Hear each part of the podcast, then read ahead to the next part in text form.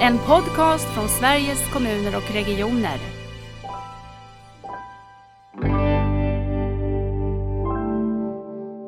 Eh, vi ska inte vara en, en minut längre på sjukhuset än vi behöver, för det är en farlig plats eh, om man inte behöver den hjälpen just där och då. Kan ju jag i min roll eh, vara den här samtalspartnern och länken mellan vår legitimerade personals vardag och kontakten med läkarna så att det blir en likvärdighet oberoende var man bor någonstans.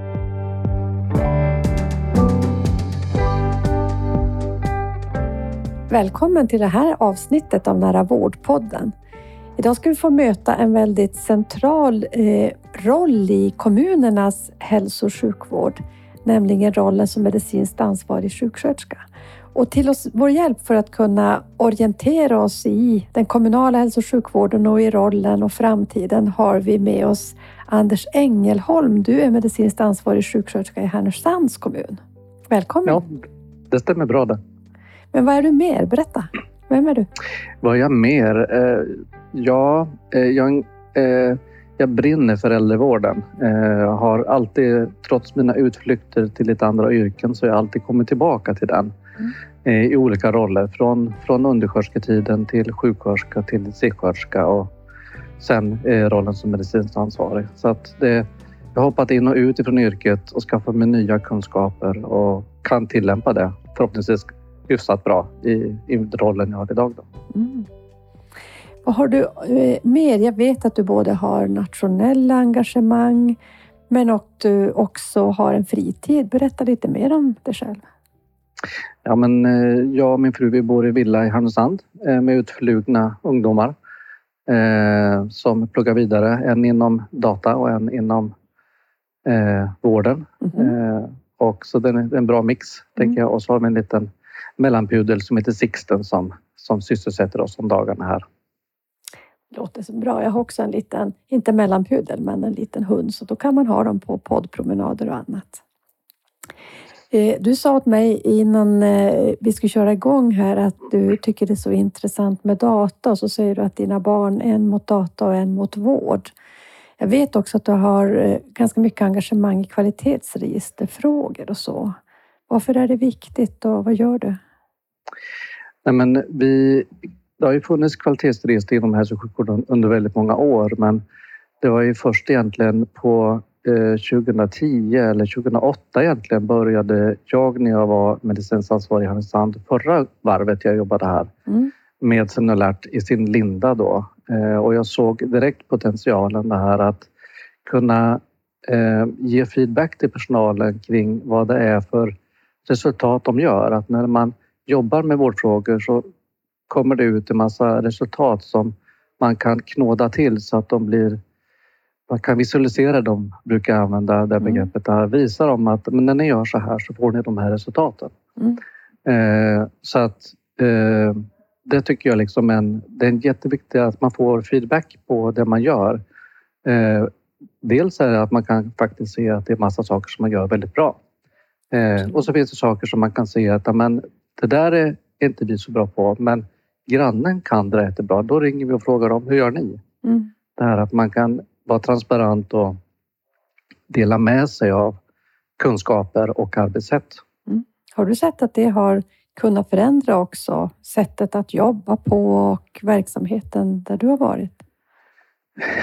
Ja, eh, dels det här att eh, vi började väldigt tidigt i Västernorrland att räkna läkemedel. Eh, för vi såg att det var väldigt många äldre i våra särskilda boenden som hade olämpliga läkemedel som sömnläkemedel och så vidare.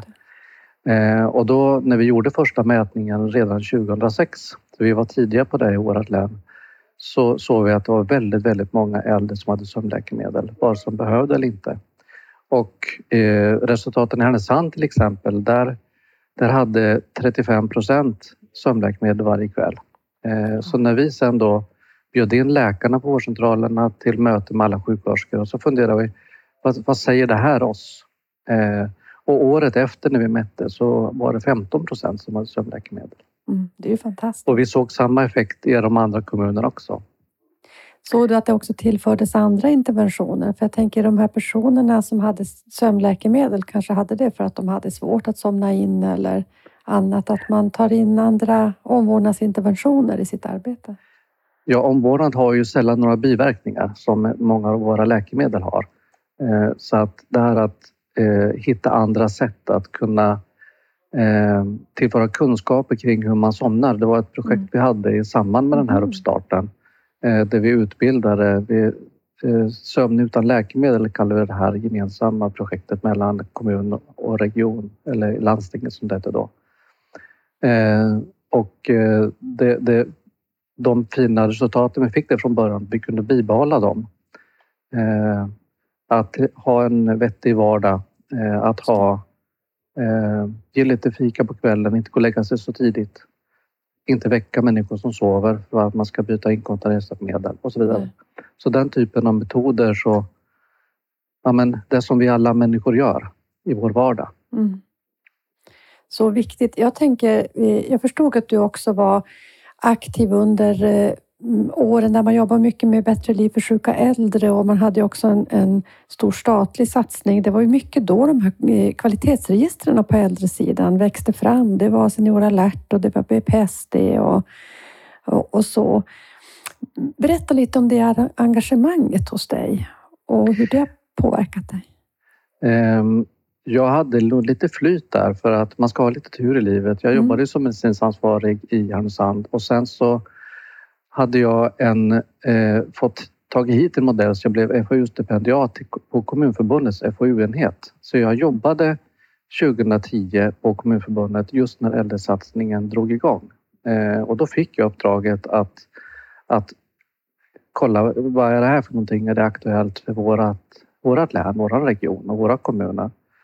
Eh, så då fick jag projektledarskapet för det eh, och jobbade med att skapa med flera av mina kollegor runt om i kommunerna och i regionen då eh, massor och massor och massor med utbildningar för att stimulera dels användning av kvalitetsregister men även metoder generellt. Många frågor var väldigt svåra att lösa och de kanske vi inte har knäckt riktigt idag heller än. Det här med att äldre människor inte ska behöva åka till sjukhuset i onödan. Nej. De kan få stödet hemma. Det är en väldigt svår eh, lös, svårlöst fråga. Mm. Varför det? Och där kanske nära vård kan tillföra mycket. Men det märkte vi under äldresatsningen att den, den var inte alldeles enkel. Nej. Eh, men vi fick ju in kvalitetsregisterarbetet i kommunerna eh, och det lever vi kvar än idag på väldigt hög nivå och det blir ännu bättre. Mm. Jag tycker det var intressant du sa att det är så svårt det här med, vi vet så mycket att en äldre människa som är skör, där är inte akutmottagningarna eller egentligen sjukhus heller den bästa platsen, utan tvärtom kanske en väldigt farlig plats. Varför är det så svårt att göra på andra sätt tror du? Jag tror fortfarande att vi har det där i, någonstans, även om vi är ett antal frälsta eh, människor som, och det finns jättemycket duktiga människor både i kommun och region. Men vi har inte riktigt eh, lyckats liksom ha, skapa den tryggheten att vi litar på att vi kan göra det här i, hemma, i hemmet mm. eller på det säkra boendet. Eh, och det finns kanske då även en önskan bland allmänheten och bland eh, deras närstående att ja, men, när man blir dålig, mm. då är det sjukhuset man ska åka till. Mm. Eh, det finns jättemycket kloka anhöriga som absolut är inne på samma tankar som, som vi har. Mm. Eh, att det är inte bästa platsen. Där ska man vara en väldigt kort tid. Det gäller även dig och mig. Mm, vi ska inte vara en, en minut längre på sjukhuset än vi behöver, för det är en farlig plats om man inte behöver den hjälpen just där och då. Nej. Nej, men att vara på sjukhuset för en gammal skör människa, det är en ovan miljö. Det luktar annorlunda, det ser annorlunda ut. Toaletten är inte på samma ställe som den brukar vara.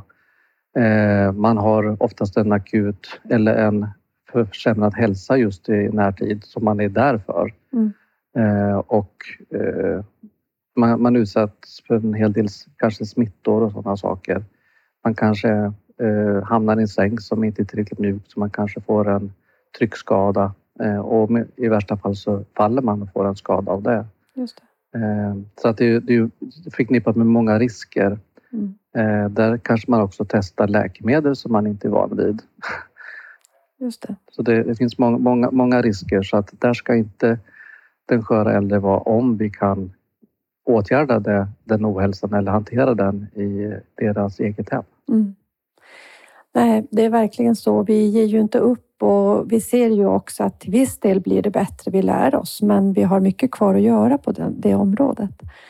Jag tänker att för mig är ju den här satsningen Bättre liv för sjuka äldre. Det var också om man tittar just ur äldres, spårsynpunkt en väldigt stark början till omställningen till nära vård. En väldigt stark del av omställningen. Sen är ju omställningen till nära vård har ju ingen varken diagnos eller ålder. Så. Men vad är din relation till nära vård? Ja, men nära, det, det för mig, det är ju när jag som patient kan vara delaktig i min egen vård och jag känner de här personerna som, som eh, har till uppgift att hjälpa mig med de saker som jag behöver hjälp med. Eh, det här att jag ska få möjlighet att göra det jag kan göra själv. Mm. Eh, att inte ta från människor deras eget ansvar. Människor mår bra av att ta ansvar. Om det så bara är att ta just en, en tablett per dag eh, än att vi då tillsätter människor som, som springer hem och, och, gör det där som jag skulle kunna göra själv med olika stöd och mm. hjälp. Eh, vi, vi har ju en förmåga att överhjälpa människor, tror jag. Att inte frågar den enskilde, vad kan du göra själv? Utan Verkligen. vi tar över medicinhanteringen för att då har ju vi koll. Mm. Så jag tror att vi måste släppa på det där ganska mycket. Eh, och då blir det ju så nära det kan komma. Alltså att vi hjälper den enskilde till självhjälp. Just det. det är riktigt nära. Det är verkligen riktigt nära och jag tänker att det handlar så otroligt mycket om en inre resa för oss som professioner också. Det här att ha kontroll tror jag är väldigt centralt i det här med att eh, när vi har svårt att släppa makten. Eh, och kanske också fördomar, tänker jag. Att vilka har förmågor och vilka har inte förmågor och vem vågar man på något sätt ge eh, förtroende till att sköta det här själv, trots att det är deras egna kroppar och egna hälsa. Ja, och det kan ju vara man måste titta på resurserna runt omkring. Finns det en, en anhörig i hemmet? Finns det eh, syskon som är lite piggare, mm. som bor nära? Alltså det finns så många saker som vi lite grann glömmer bort att vi, vi lyfter ut den här personen i, i, i en egen liten kontext liksom och hanterar den här personen och tar över eh, istället för att som arbetsterapeuterna är duktiga på det här att stå med händerna på ryggen. Mm. Eh, det är ju inte... Eh, det går fortare för mig som personal att knäppa knapparna. Men är det det bästa att göra på det sättet? Ja, just det.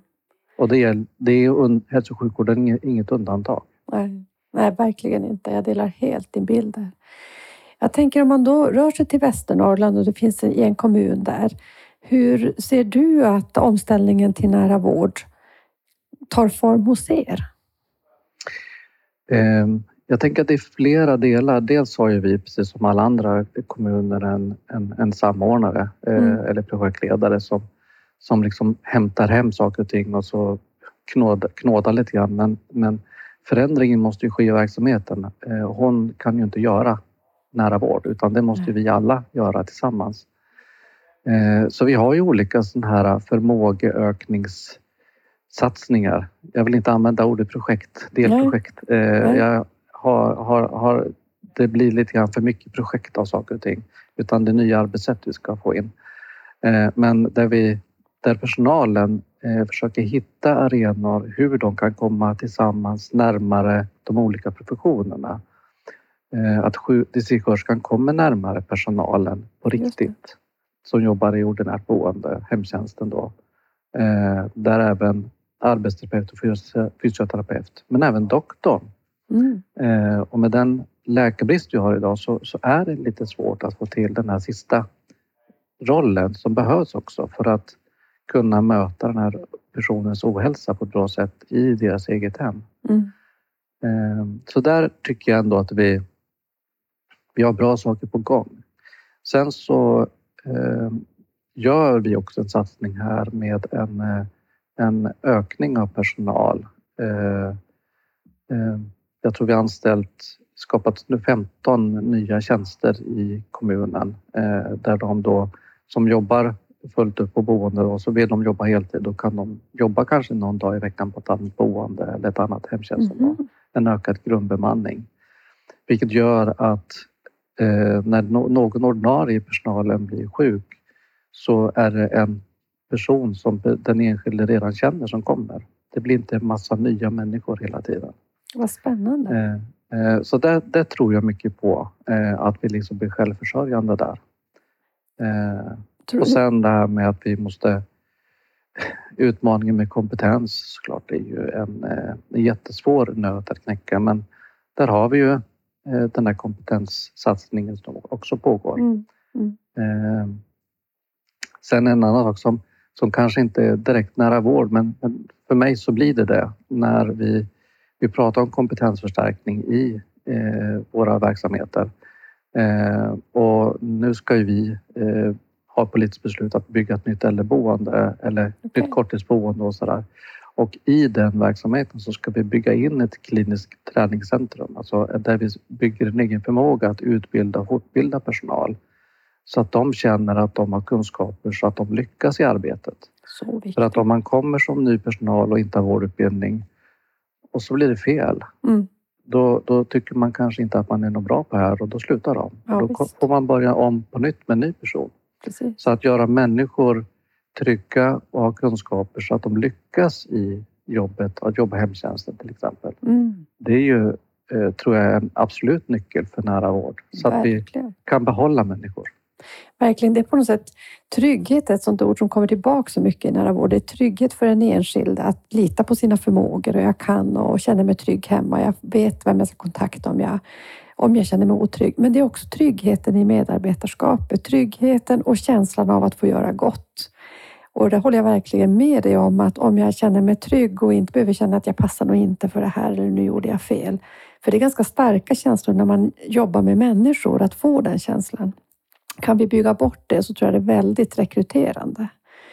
Spännande. Finns det andra kommuner som du känner till som jobbar med kliniska träningscenter för hemtjänst och för... Nej, eh, vi har ju i våra län så har vi ju ett samarbetsavtal med regionen där vi kan ha- nyttja det. Ja. Men då ligger det fem mil bort så att i praktiken det. så är det väldigt svårt. Så jag tror att även nära kommer in i det sammanhanget. Att om man har det nära där vi kanske kan samarbeta med vårdskolan som kan använda de lokalerna också. Mm. Eh, att vi liksom, vi, kommer närmare varandra eh, så blir det liksom ännu bättre. Sen en annan sak som jag glömde säga där också att som jag tycker är ett väldigt klokt beslut som man har fattat i våran kommun och det är att kommunfullmäktige eller kommunstyrelsen har fattat beslut om att alla som går eh, vårdutbildning och går ut där som undersköterska, de har erbjuds fast tjänst i kommunen. Ja, precis. Så vi fångar dem, så de vet ju det att när det, det är moroten när de börjar sin första dag på gymnasiet att när jag är färdig, då har jag fast jobb. Just det. Eh, eh, sen om de väljer att jobba i en annan kommun, men det här att de har den här tryggheten att men det här är värt de här tre åren Ja, visst. eh, att gå för att sen har jag jobb. Det. Eh, och det tror jag är liksom en, en, en viktig drivkraft och vi fyller ju de här vårdutbildningsplatserna eh, gott och väl Mm. numera. Det var väldigt tapp under några år men nu är det nu får de utöka klasserna och det är jätteroligt Nej, men- för det är framtiden. Vad härligt också att höra sådana positiva berättelser om kompetensförsörjning som är en så stor utmaning. Har du som MAS någon roll i förhållande till de som går och läser till undersköterska eller eh, ska jobba i hemtjänsten? Hur blir din relation där? Jag brukar eh, bli inbjuden som föreläsare. Mm. Eh, jag har i ett av mina engagemangsben som jag har så är jag väldigt engagerad inom området blåsljusfunktion Mm, eh, på nationell nivå och utvecklat då stöd och verktyg för hur man utreder och, och hjälper personer som har inkontinensproblematik. just det. Eh, Så det brukar jag ut och föreläsa om och då brukar jag bli inbjuden och, och prata och då blir det lite andra saker. Mm. Eh, Men jag brukar också bli inbjuden till T2-orna på Mittuniversitetet, sjukvårdsutbildningen Mm, och berätta om vad pysslar kommunerna med? Vad, vad är jag för figur eh, och vad gör man i kommunerna? Jo, man är en jättestor vårdgivare och så Mm. berättar jag lite grann om hur vi jobbar med patientsäkerhet och sådant. Jag tänker den här kopplingen som vi hade i början när vi pratade om att Ja, inte riktigt att vi har fått till det här att man känner sig trygg i att inte låta den äldre åka in till sjukhus vid ja, olika, när hälsan försämras. Det kan ju också ha att göra med hur vi ser på den kommunala hälso och sjukvården och vad viktigt att vara tidigt inne i, i utbildningen och berätta om det, det väldigt eh, både fina och komplicerade arbete som görs inom den kommunala huvudmannens primärvård. Så. Mm. Eh, under eh, pandemin så eh, var det vårdskolans undersköterskor, de fick utbildning i basal hygien. Mm. Eh, de blev eh, utbildade till tänderna i det där. Sen så var de ute och fortbildade sina blivande kollegor i hemtjänst och hem, eh, på säkrade boenden i basal hygien. Mm. Så där hade vi liksom ett tydligt, där de blev lärarna som blir våra nya kollegor. Ja. Så bra. Eh, jätteduktiga och de växte otroligt mycket de här tjejerna och killarna som gick där och genomförde det här. Så att det, de, de kunde bidra redan, redan under sin skoltid i, i, till sin kommande arbetsgivare. Mm. Jag tänkte på det här hur nära vård tar form, för du sa också att du tycker att det är intressant med välfärdsteknik och den digitala utvecklingen. Vad ser du att det kan spela för roll i, i den framtida nära vården?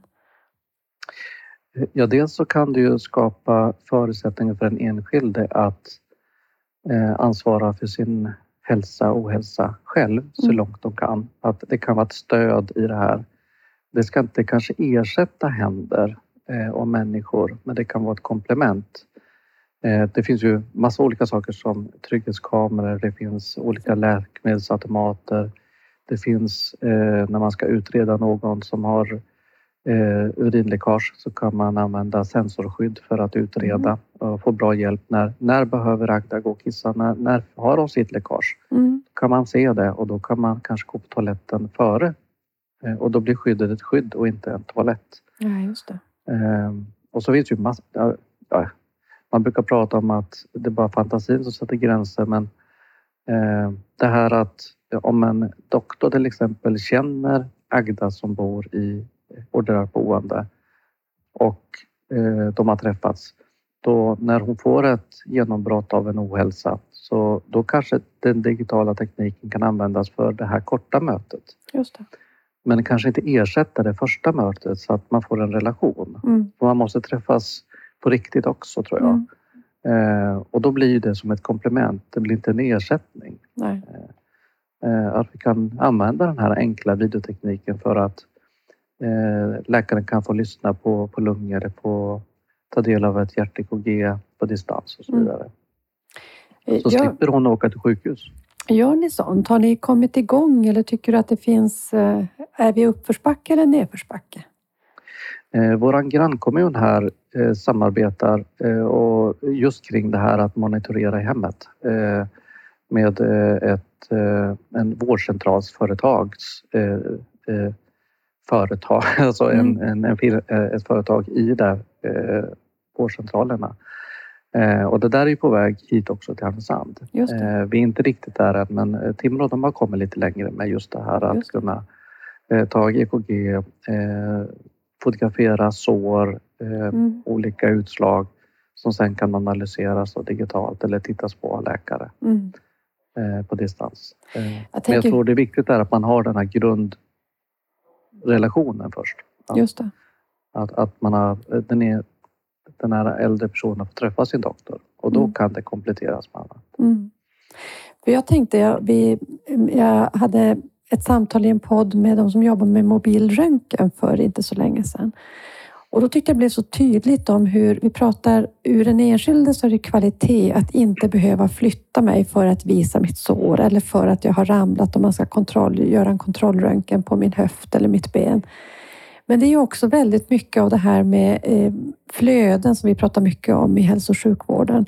Att hur får vi också andra sätt att kunna jobba mycket mer nära hemma?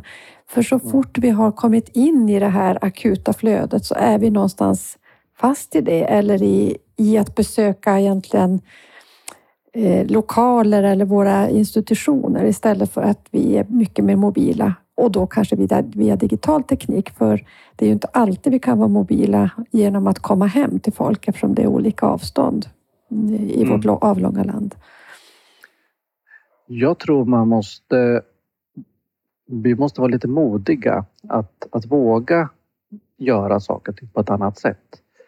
Eh, jag kan ta ett exempel från min tid som distriktssköterska så eh, jobbade jag natten en period. Mm. Eh, och då hade jag före det jobbat på akuten så jag hade dragit otroligt många radiusfrakturer, Ja, underarmsfrakturer.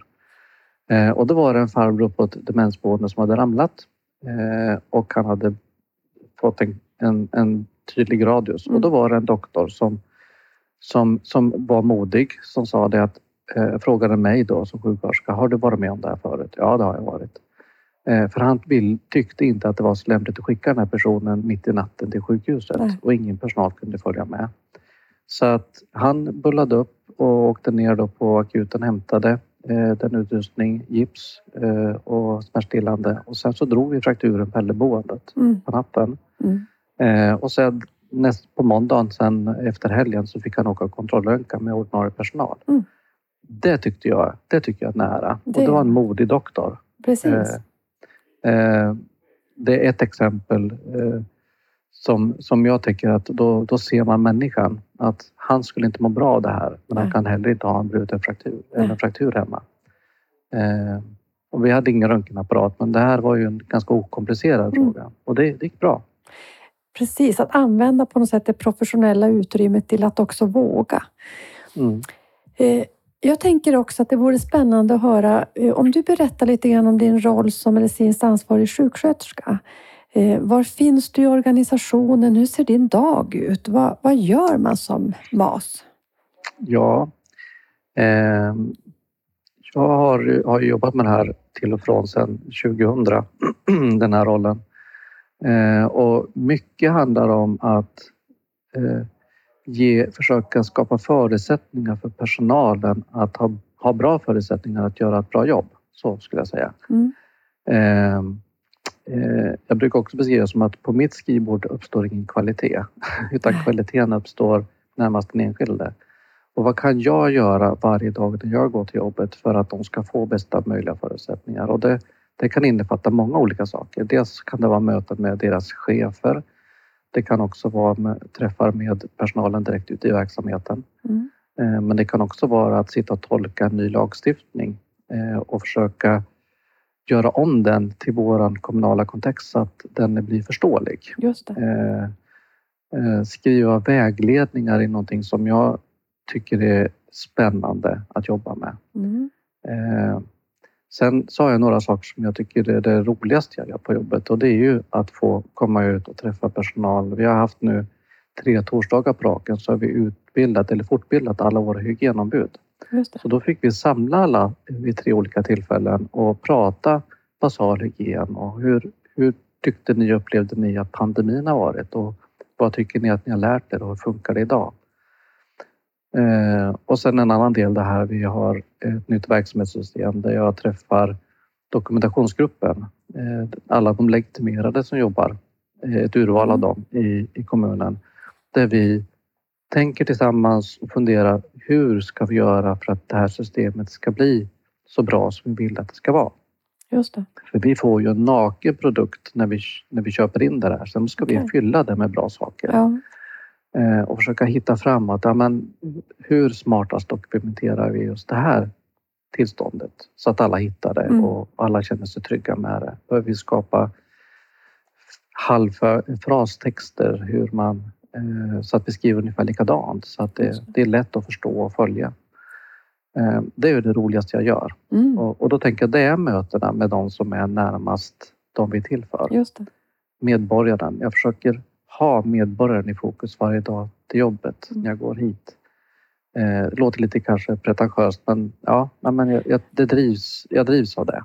Inte alls. Jag tänker också att det är ju så otroligt stor del i, i nära vårdomställningen, att verkligen ha det fokuset och eh, slå sig vinn om att man har det. För jag tror att det är lätt att säga att man har det, men att verkligen tänka och göra det är ju otroligt mycket större och, och viktigt. Ja, det här att känna att ja, men, när jag går hem från jobbet, ja, men, jag har gjort allt vad jag kan idag Mm, eh, för att de ska få bra förutsättningar. just det. Och sen vara tillgänglig för frågor eh, och funderingar. Eh, Inte för att jag ska sitta telefon eller Skype-möten hela dagarna utan att eh, man ska kunna kontakta mig eller att man pratar med sin chef som kontaktar mig i sin tur. Mm. För jag kan inte prata med all personal såklart. Nej. Det funkar ju inte. Men var Eh, finns Men rent... hitta en jämvikt i det där så att det blir hanterbart och att de känner att det ska inte vara...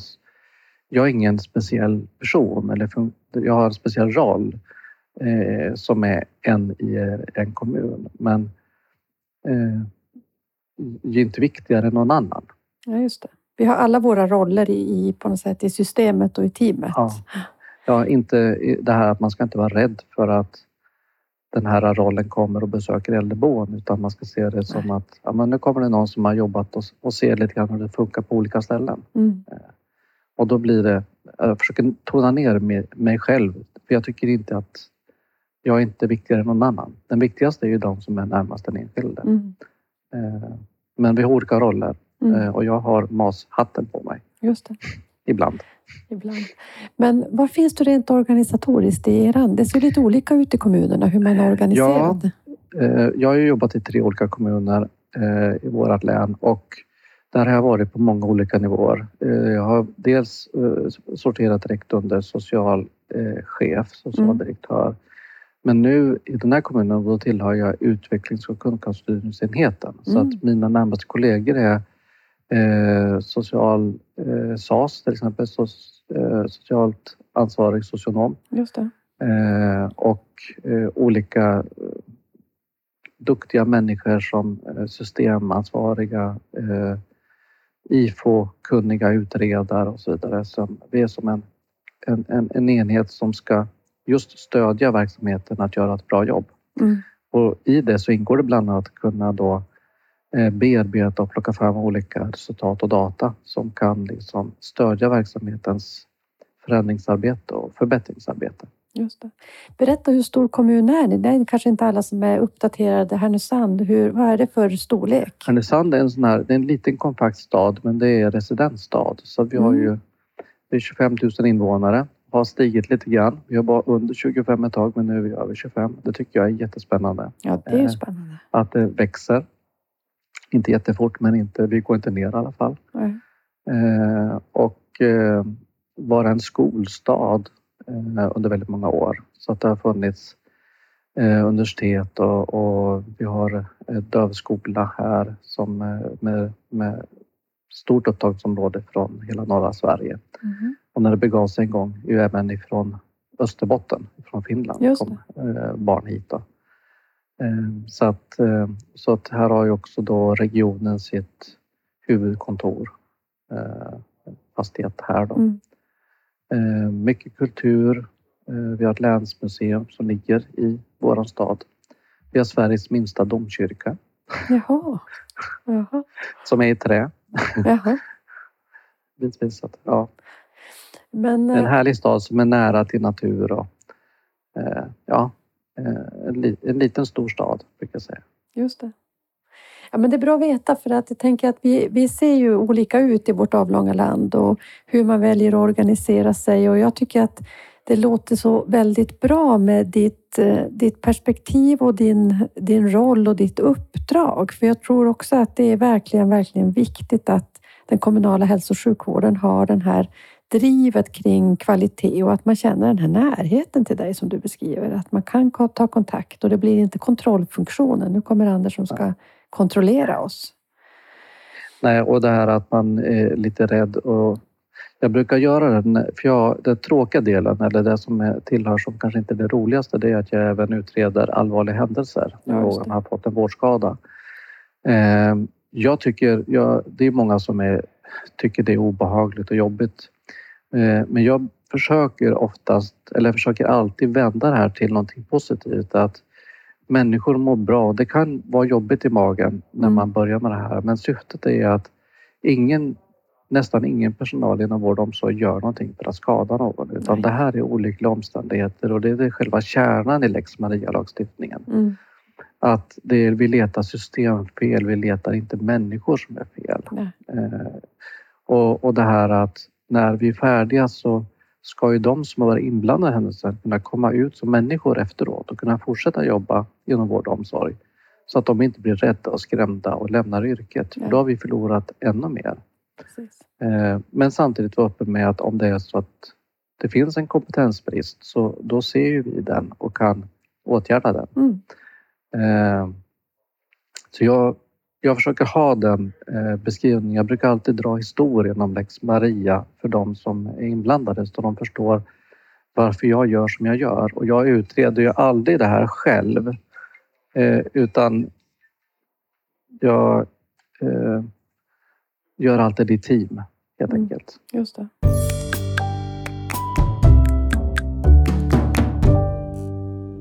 Jag tänkte på nära vård så är ju också de här mellanrumsarbetet, samverkan mellan kommun och region inte minst väldigt central. Och, och vi, när jag tittar mig runt om i Sverige så ser jag att det har hänt mycket på det området. Eh, pandemin har hjälpt till. Vi har fått ett, eh, en förståelse för att ska vi komma åt kvalitetsbristkostnader då måste vi också förstå att vi måste jobba ihop eftersom vi har en, en primärvård som har två huvudmän i Sverige. Hur tänker du kring samverkan med regionen? Vad har du för eh, tips eller vad tycker du funkar bra? Den regionfinansierade primärvården har ju eh, eh, inte riktigt de resurserna som de behöver. Eh, och då pratar jag inte bara pengar utan jag tänker Ja. att de, de, det saknas allmänläkare i Mm. Sverige och Härnösand är inget undantag. Eh, att, så de läkarna som jobbar där, de, de har oftast inte det luftet i, luften i sin almanacka eh, så att de även om de har ett engagemang för att, för att möta äldre människor och kunna göra hembesök så finns inte alltid den luften i systemet att de kan göra det. Eh, och och då, då blir det ju att det blir väldigt mycket ansvar på våran legitimerad personal och våra undersköterskor. De blir väldigt ensamma när man inte har den här tillgången som vi borde ha av Mm. läkare. Eh, jag hade för ett antal år sedan här när jag jobbade i Härnösand senast då hade vi två stycken allmänläkare som var geriatriker också. Mhm. Som, som, som tog alla äldreboenden. Just det. Eh, och de hade även hand om de personer som var sköra som bodde i hemmet. Så när de flyttade in på äldreboendet då kände de redan, eller doktorn kände redan dem då. Eh, men sen så slutade de här läkarna av olika anledningar, eh, gick till andra jobb och sen så eh, har det inte riktigt fungerat efter det. Nej. Det fungerar olika kan man väl säga. Mm.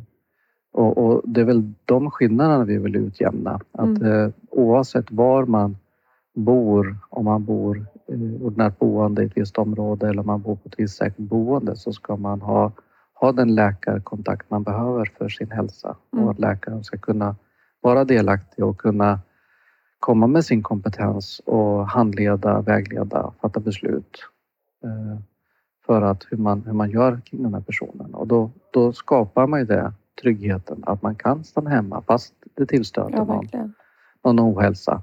Mm. Eh, och oftast är det ju eh, är det en person som har en, en inkompenserat hjärta eh, och de får lite vätska i lungorna eller svullna ben. Händer det en gång och händer det två gånger då kommer det sannolikt hända tre eller fyra gånger också. Mm. Så då, då är det en förväntad ohälsa som kommer och då kan man skapa redan tidigt en plan B. Hur gör vi när det här händer? Just det. Eh, Och då har man den planen på plats så, så minskar ju risken för onödig sjukhusvård Mm. som kanske då inte tillför speciellt mycket för den enskilda individens trygghet och mående egentligen. Mm. Kanske bara skapar problem. Verkligen. Jag tänker, vad tycker du att, att MASen kan ha för roll då i den här samverkans, eh, eh, samverkansarbetet eller mellanrumsarbetet som vi har mellan kommun och region? Vi kan ju se att eh, ofta så hamnar man i att lösa de här samverkans eh, svårigheterna direkt ute i verksamheten därför vi har egentligen inte förmått att lösa ut dem. Och det kanske har med det här kompetensbrister, sätt att organisera oss, hur vi tränar ihop och vad vet jag. Vad tänker du att MASens roll skulle kunna vara? Eller du kanske har en tydlig roll i det? Samverkans... Ehm, ja, eh, jag har ju bredvid mig som jag tar armkrok med i kommunen, verksamhetschef för hälso och sjukvård. Just det. Eh, och där har vi gjort ett omtag här nu där vi har skapat en ny, ny lokal samverkan med vårdcentralernas verksamhetschefer. Där vi Mm. då eh, har bestämt att så här ofta ska vi träffas och vi ska prata om de här sakerna. Eh, för att tydliggöra och lära känna varandra, skapa relationer. Just det. Men sen så har ju de då i sin tur ett svårt uppdrag med kanske då svårt att bemanna med läkare. Men om vi tillsammans försöker hitta lösningar utifrån, för det är ju inte kommunen som har behov av läkarmedverkan utan Nej. det är ju att den enskilde som har behov av att träffa sin doktor. Eh, Så att man, man, man skiljer på det. Det tror jag är jätteviktigt. Mm. Att det, vi pratar gärna de här eh, ospecifika termerna att det ska vara läkarmedverkan mellan regionen och kommunen. Men Just. det är ganska ointressant egentligen. Eh, det, det intressanta är ju hur vi får eh, att läkaren får möjlighet att utföra sitt arbete och möta den sköra äldre personen tillsammans med det kommunala teamet. Mm. Eh, då, då blir det ju nära. Mm. Eh, Och ibland så, om den enskilde kan, så kan de boka till vårdcentralen. Men om det är alldeles för jobbigt, det kostar alldeles för mycket för den enskildes eh, hälsa, då ska vi även då kunna erbjuda det här i hemmet. Mm. Och, och där är vi inte riktigt än. Och det tänker jag att det är dit vi strävar. Det är dit Dit, dit vill i alla fall jag. Mm.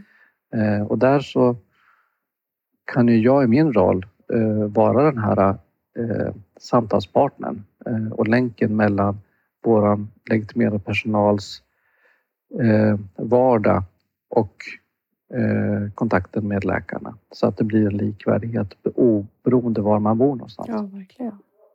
Och jag tänker också perspektivet att även om jag får huvuddelen av min hälso och sjukvård och omsorg av den kommunala primärvården så har jag samma rätt som invånare att få eh, läkarkontakt som jag har om jag får min vård av den regiondrivna primärvården. Så jag tror du har så rätt i att vi kan gå bort oss i att tänka att det är mellan kommun och region, men det är ju faktiskt våra invånare som vi har i fokus i de här frågorna och måste ha.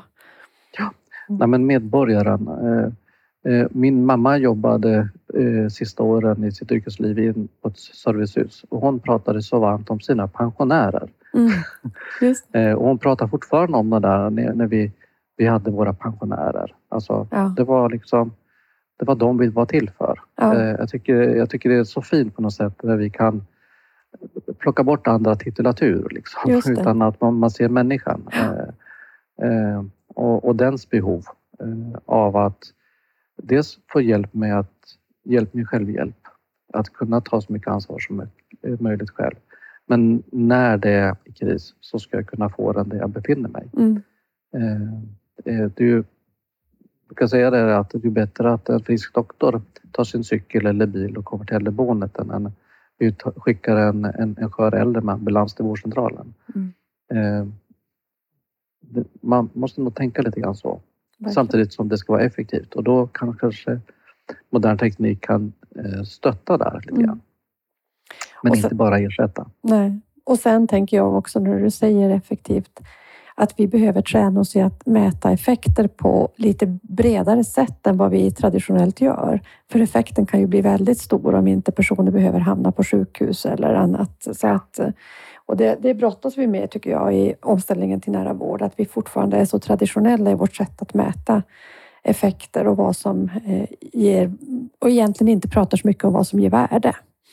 Eh, På stora. I, I den här nationella handlingsplanen för ökad patientsäkerhet så pratar man om fyra grundläggande förutsättningar. Mm. Och en av dem är ju den enskildes delaktighet i utformandet av den egna vården. Just det. Eh, där så tror jag vi har... Eh, jag har ju läst ganska mycket folkhälsa Mm. eh, och eh, jag tycker det är spännande. Det var, jag fastnade för den när jag läste medicinsköterskeutbildning. Att folkhälsa, ja men där, där vill jag lära mig ännu mer. Ja. Eh, och det handlar väldigt mycket om det här att människors för egen förmåga, hur man ska kunna hantera olika, olika strate- strategier för hur man kan hantera sin ohälsa.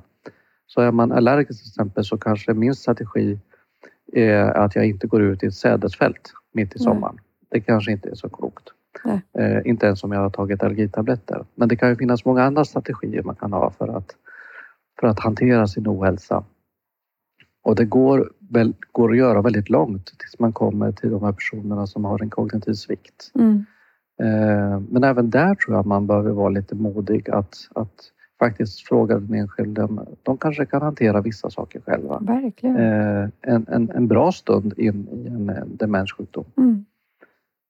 Absolut. Jag hade en fantastisk eh, morgon igår morse när jag fick eh, prata med dem som jobbar med Alzheimerguiden eh, som handlar om att ge stöd just till personer som har fått en diagnos av Alzheimers sjukdom och att man kan göra mycket för sig själv, men också att hitta strategier för att vårda sin hjärna så att man orkar med det man behöver och vill orka med så att livet kan bli så bra som möjligt. Så att Ja. det finns väldigt mycket i det. Jag tänkte vi ska börja avrunda, men jag skulle tänkte om du fick eh, drömma dig bort lite grann och tänka hur ser det ut där eh, borta i den nära vården om du tänker ett antal år framåt? Vad tycker du är viktigast att det har hänt? Vad, vill du, vad, vad jobbar du för? Eh, jag har ju tagit del lite grann av eh, Alaska-modellen. Mm. Där, där man är, där i alla fall tycker man att man, har, att man har lyckats, att man är ett team där den enskilde och att oavsett vem jag ringer till eller vem jag pratar med så vet de vem jag är och mina behov är och att det finns en plan. Eh, Så att både jag och mina närstående kan känna oss trygga och, och, och personalen också som kommer till mig vet vad jag vill ha det. Eh, det, det skulle jag vilja och då, och då tänker jag in alla kompetenser. Eh, Och då kanske det är fler kompetenser än, än läkare, legitimerad personal och undersköterskor. Utan det kanske är även dietister, eh, kuratorer, eh, eh, apotekare. Eh, just de viktiga kompetenser som behövs runt omkring mig. Och att vi verkligen satsar på primärvården. Mm. Att nu en gång för alla så blir det en reform som faktiskt ger avtryck för lång tid framöver. Eh, Det var ju en av de här sakerna som Anna Nergård pratade om i början. Vad, vad är det för någonting som ska göra skillnad den här gången? Just det. Vi har haft några reformer. Eh, Hur får vi det att hända på riktigt? Eh, Så min dröm är ju att, för det är ju, det är ju min framtida stöd när jag blir gammal. Ja, Jag, vill ju att det ska vara så när jag blir gammal. Ja. Eh, Att jag ska veta vem jag ska ringa. Att det finns en plan för mig. Mm. Det var, tycker jag får bli jättefina slutord. Tack för ett jättefint eh, samtal Anders och stort lycka till fortsatt med ditt arbete. Ja, varje dag. Varje dag räknas. Tack. Tack.